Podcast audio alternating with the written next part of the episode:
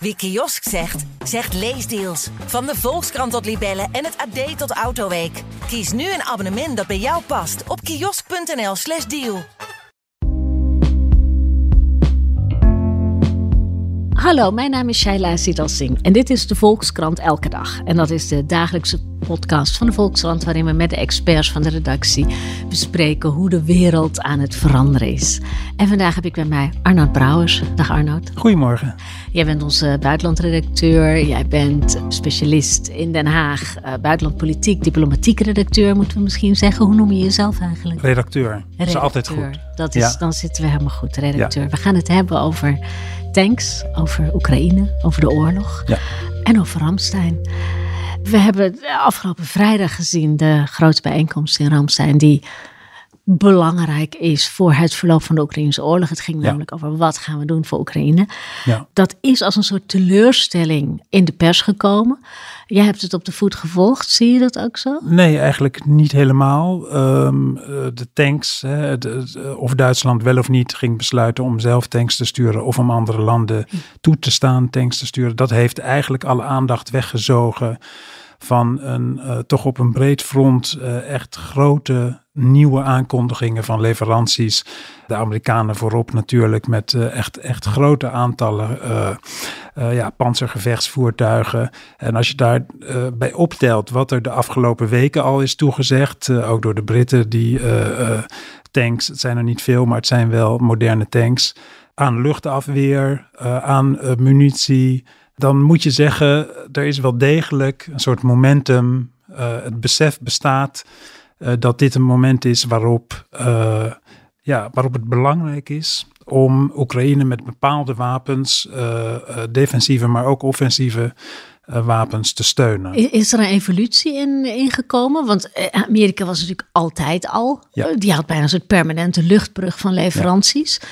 Nou ja, het is interessant. Uh, we hebben hier vaker gezeten om over die oorlog te praten. En ik behoor tot de mensen die, die, niet, die geen voorspellende gaven hebben. Maar ik zie wel, uh, je ziet dus de hele tijd van dat, dat die oorlog verschillende fases doorloopt. Uh, en nu zit je in een fase waarin, ja, waarin het ook weer echt spannend is. Ten eerste omdat er, in tegenstelling tot wat sommige mensen beweren, natuurlijk wel keihard gevochten wordt hè, op bepaalde plekken langs die frontlinie. Uh, maar desondanks kun je zeggen dat beide partijen bezig zijn met het denken ook over wat er de komende maanden gaat gebeuren.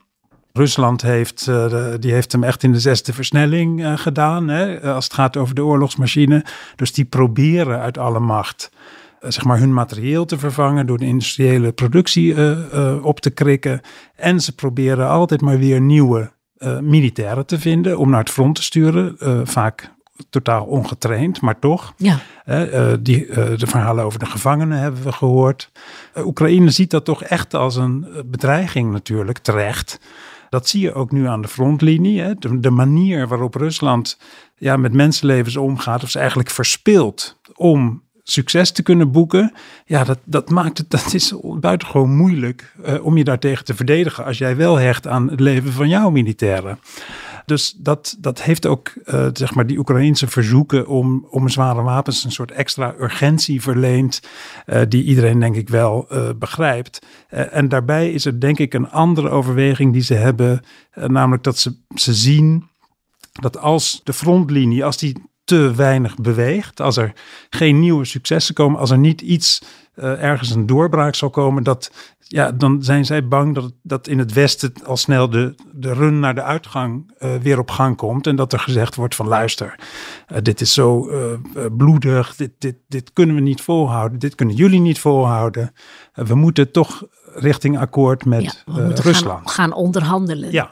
Ja, maar um, als, je, als je kijkt naar uh, West-Europese landen, zie je eigenlijk een beweging de andere kant op. We zagen Rutte bij Biden vorige week, waarin hij uh, daarna ja. gaf hij in CNN een, een, een interview van een minuut of vijf, waarin hij toch in tamelijk duidelijke bewoordingen zei: uh, wij moeten deze oorlog winnen. Ja.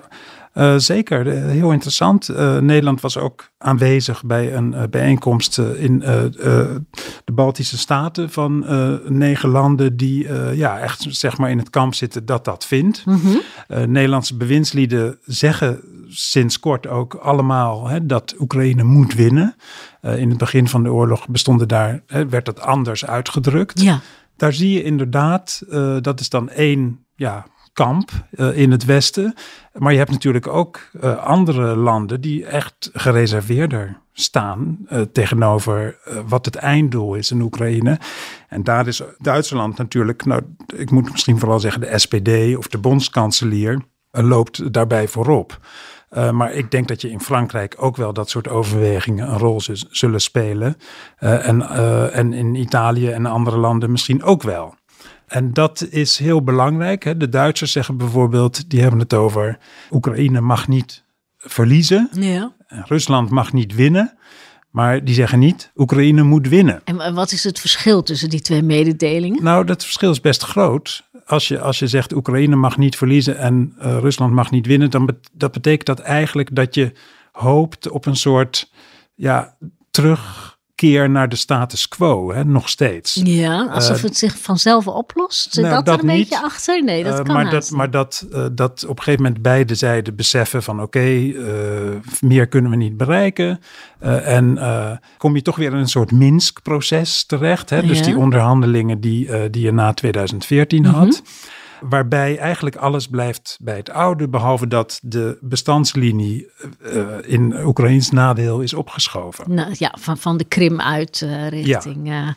richting naar boven. Ja, ja en dat is terwijl je, je hebt natuurlijk een andere groep landen die steeds uh, ja, meer overtuigd raakt van het feit dat ja, met dit Rusland is het heel moeilijk om terug te gaan naar wat voor oude ordening dan ook. Daarvoor zijn ook gewoon veel te veel misdaden gepleegd, die echt op geen enkele manier door de beugel kunnen. En waar als je daar geen verantwoording over aflegt, dan, dan is het bijna onmogelijk om nog om in zo'n systeem met elkaar te zitten. Dat lijkt mij eerlijk gezegd de realistischere inschatting. Uh, maar het is voor een land als Duitsland, wat altijd die balans uh, heeft gezocht met Rusland en die status quo, ja, is dat buitengewoon, denk ik, moeilijk om uh, te accepteren. En dan zie je wel dat er in de Duitse politiek zeer verschillend over gedacht wordt. Uh, dus je moet niet zomaar spreken over Duitsers of nee, de Duitse politiek. Is verdeeld, hè? Zeker. Ook, en de publieke opinie en de politiek ja, is daar. En, en ook de coalitie zelf is verdeeld. Ja. Hè? ja, ik denk eerlijk gezegd dat die, die tanks er wel gaan komen. Ik vind ook het argument dat dat een soort escalatie zou zijn, is het onbegrijpelijk in de context van wat er nu in Oekraïne gebeurt, is echt onbegrijpelijk. Wat valt er nog te escaleren? Precies, op conventioneel terrein. Ja. En ook zet het af tegen hè, die panzerinfanterievoertuigen die nu in redelijk grote getalen worden gestuurd. Ja, daar kun je ook mee schieten. Die kunnen ook Russische tanks uitschakelen. Dus dat verschil, dat, dat is op een gegeven moment te klein geworden om, daar, om dat vol te kunnen houden. Ja, even terug naar die Duitse positie. Staat Duitsland nou alleen in deze, ja, ik weet niet of je het wankelmoedig moet noemen, maar in elk geval een iets andere andere visie dat, ten opzichte dat, van hoe je moet opstellen tegenover Rusland? Dat weet ik eigenlijk niet. Ze staan redelijk alleen nu in de publieke opinie. Hè, als je kijkt naar van waarom stuur je die tanks niet? Ja. Maar ze hebben natuurlijk vorige week zelf gezegd van ja luister, uh, het is niet zo dat wij helemaal geïsoleerd zijn. Uh, en ik denk dat dat wel klopt. Dat er wel landen zijn in West-Europa vooral, uh, die ook dit soort ambivalente toch gevoelens hebben. Uh, en die eigenlijk ook niet zo in dat kamp zitten van Oekraïne moet winnen. Um, en die er uh, misschien ook wat aan gelegen zou zijn als, als er gewoon weer terug konden gaan naar de status quo ante. Uh, ondertussen interessant in uh, Davos vorige week was, was er een interview met Henry Kissinger. Yeah. En Henry Kissinger die verwoordt eigenlijk ook die gedachte die daarachter ligt. Uh, en die zei van luister, heel veel strategische doelen uh, zijn eigenlijk al behaald voor het Westen in deze oorlog. Die overigens niet door het Westen begonnen is. Hè, maar hij zei, die strategische doelen, wat bedoelde hij dan? Hij zei, het is nu al duidelijk dat Rusland uh, niet zomaar een Europees land kan aanvallen zonder dat daar echt een verenigd krachtig antwoord op komt. De NAVO wordt al uitgebreid.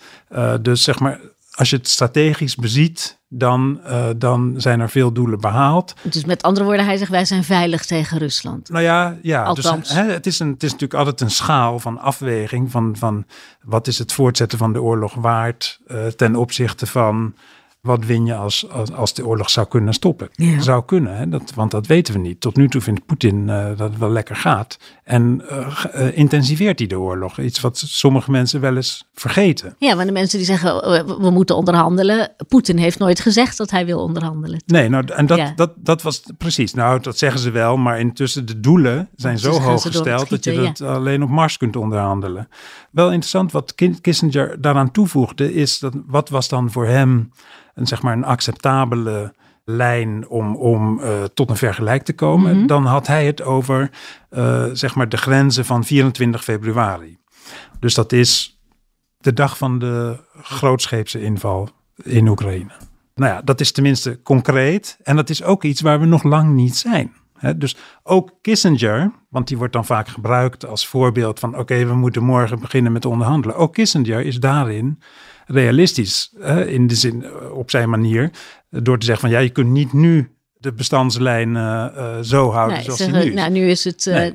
dus Rusland mag voor hem hebben. het minimaal aanvaardbare is die 24 februari-lijn. Dan heb je natuurlijk nog een hele grote vraag, discussie tussen westerse landen onderling. Dat is, oké, Oekraïne moet winnen. Als je dat zegt, hoe definieer je dat dan? En ook daarin zijn best grote verschillen. Je hebt nu sommige uh, landen die ja, eigenlijk daarvan uitgaan van dat is dus helemaal. Dat is dus inclusief de Krim. Um, maar uh, je hebt denk ik een nog groter aantal landen dat zegt van nou, dat de Krim, dat, dat wordt misschien te gevaarlijk. Maar is het niet aan Oekraïne om te bepalen wanneer het gewonnen Natuurlijk. heeft? Natuurlijk, maar dat, dat is absoluut waar.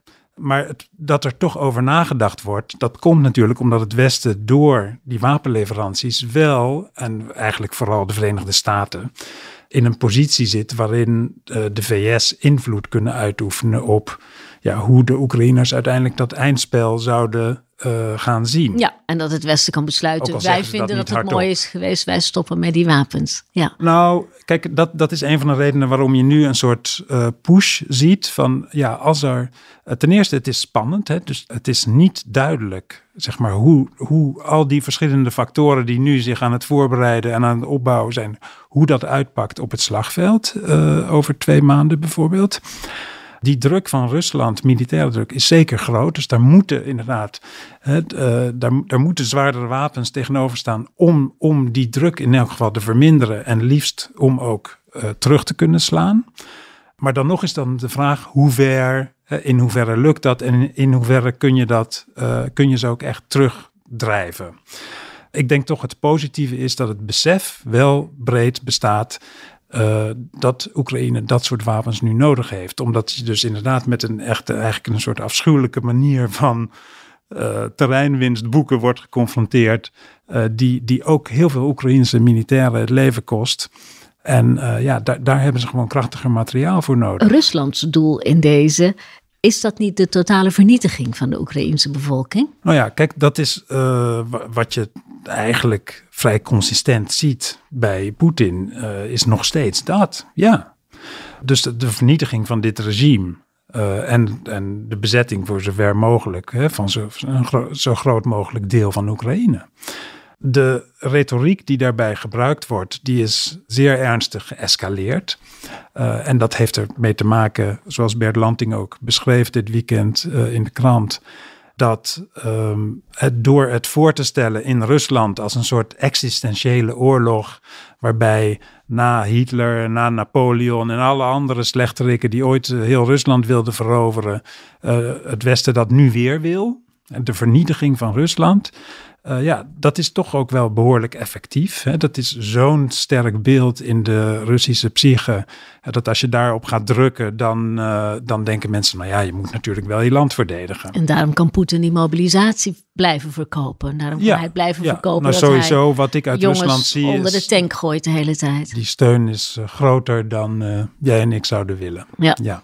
Ja, want de NAVO-uitbreiding, ik, ik, ik weet niet of dat nu, nu nog een, een dat, dat staat een beetje op losse schroeven misschien met uh, Zweden, Finland, maar Oekraïne is ook nog altijd een NAVO-kandidaat. Ja, zeker. En wat dat betreft was het heel interessant, uh, ook weer wat Kissinger zei in Davos, dat hij zei, want hij was altijd tegen NAVO-lidmaatschap voor Oekraïne. Mhm. maar vorige week zei hij dus van ja, dat was hij omdat hij bang was dat er dan zou gebeuren wat er nu gebeurt.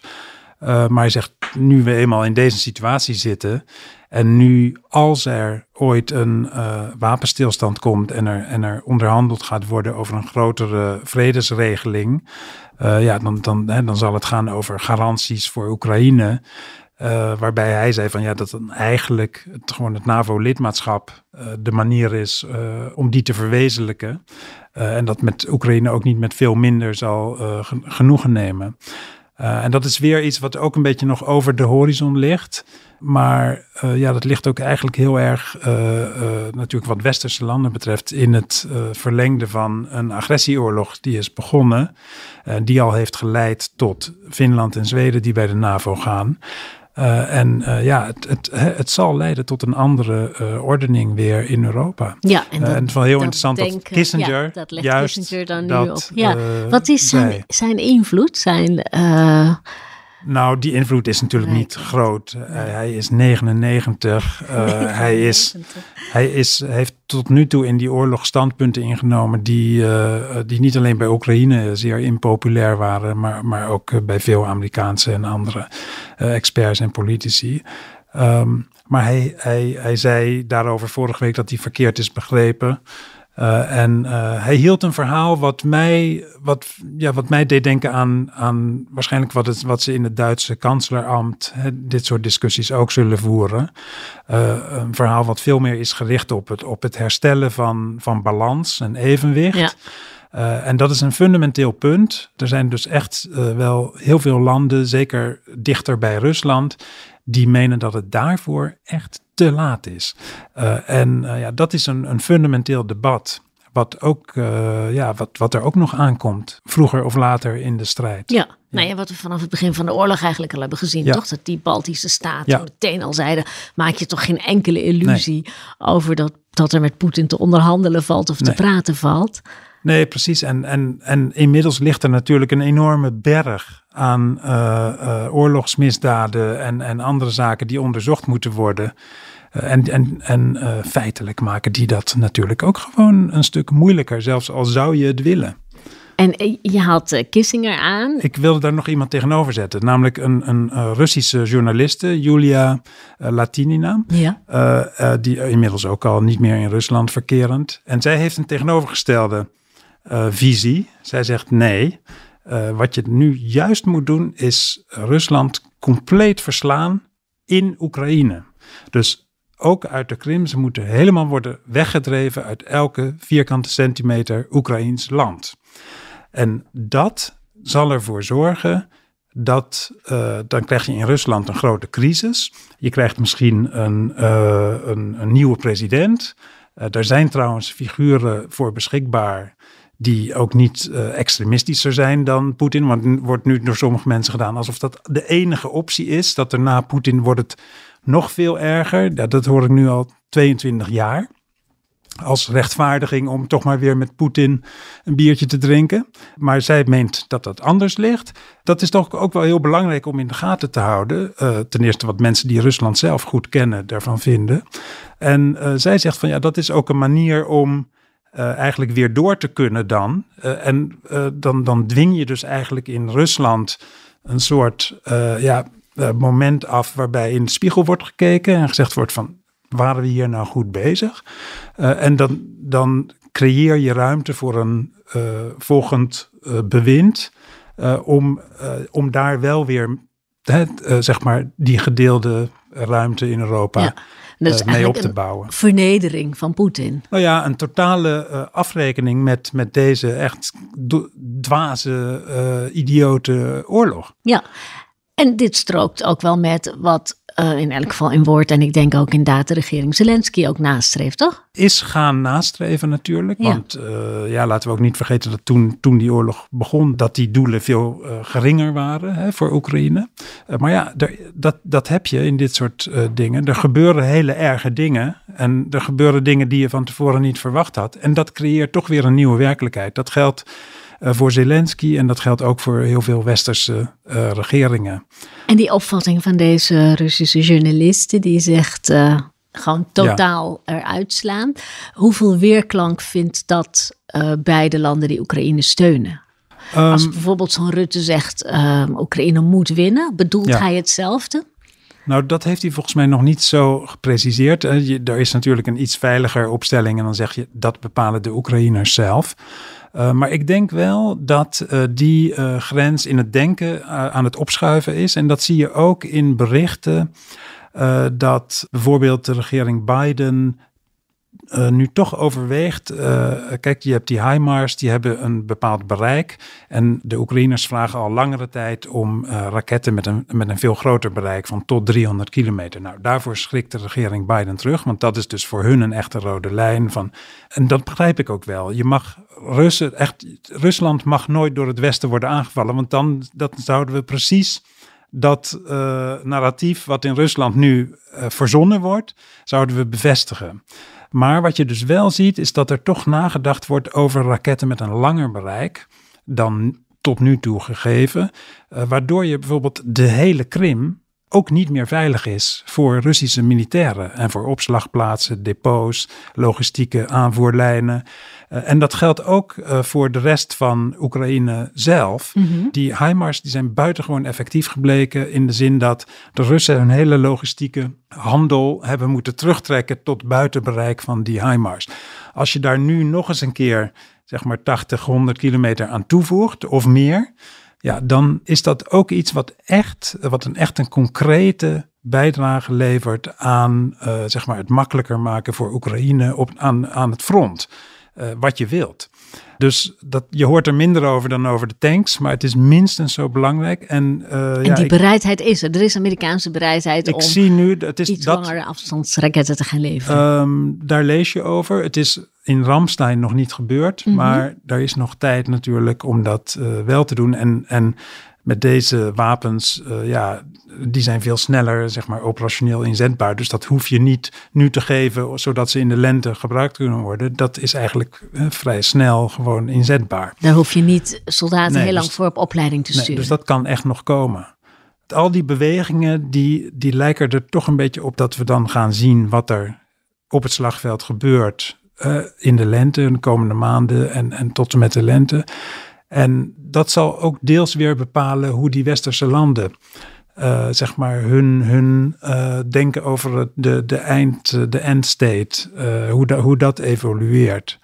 En ja, daar, daarover kunnen we nu nog niet zoveel zeggen. Maar die Lawrence Friedman, die Britse expert, die wees er terecht op dat er natuurlijk toch verschillen zitten in tussen de Oekraïense belangen uiteindelijk mm -hmm. en die van westerse partners. En was je dat verschil? Nou, dat de Oekraïners misschien nu bereid zijn verder te gaan. Dus ook wapens willen waarmee ze Rusland harder kunnen treffen. Eh, dan toch het Westen tot nu toe bereid was te geven. Omdat uiteindelijk de vrees voor escalatie ook bij de Verenigde Staten wel een, een factor is. En als de Verenigde Staten het over escalatie hebben, wat bedoelen ze dan? Bedoelen ze dan kernwapens of bedoelen ze uh, Poetin wordt boos? Wat, wat bedoel je met ja, escalatie? Ja, nou dat, ook dat verandert ja. voortdurend. Ja. Uh, kernwapens is één ding, maar ook natuurlijk de gedachte, als, je, als je die wapens zou leveren met, met, met zo'n lange dracht, dat je dan indirect, dat jij Rusland bestookt. Ja, dat de Amerikaanse raketten op Russisch grondgebied Nou, nou zeggen die vallen. Oekraïners natuurlijk van ja, maar dat wij beloven dat we dat gewoon niet gaan doen. Maar er, er zijn bepaalde grenzen. Maar, maar ze schuiven wel op, zoals ik net aangaf. Kijk, die, die verschillen van inzicht die er ongetwijfeld wel bestaan op bepaalde punten tussen westerse partners en Oekraïne, die, die worden pas spannend op het moment dat Poetin zeg maar een, een realistischer onderhandelingsstandpunt gaat innemen.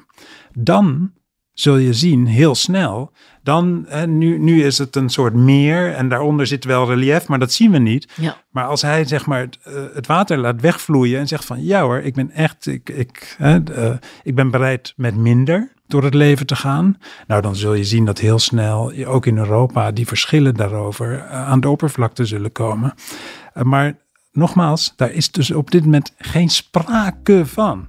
Er wordt gewoon keihard doorgevochten. En als het goed is met nog veel meer westerse wapens. Ook, ja. Dankjewel, ja. Arnoud. En u luisteraar, ook weer heel hartelijk dank voor het luisteren. Dit was de Volkskrant Elke Dag.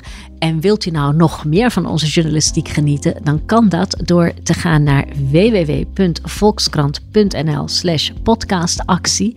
En dan kunt u namelijk een abonnement afsluiten op de Volkskrant. En dan krijgt u elke dag nog veel meer van dit soort interessante verhalen en analyses. Want deze podcast is gratis, maar onze journalistiek is dat niet. Wie kiosk zegt, zegt leesdeals. Van de Volkskrant tot Libellen en het AD tot Autoweek. Kies nu een abonnement dat bij jou past op kiosk.nl/slash deal.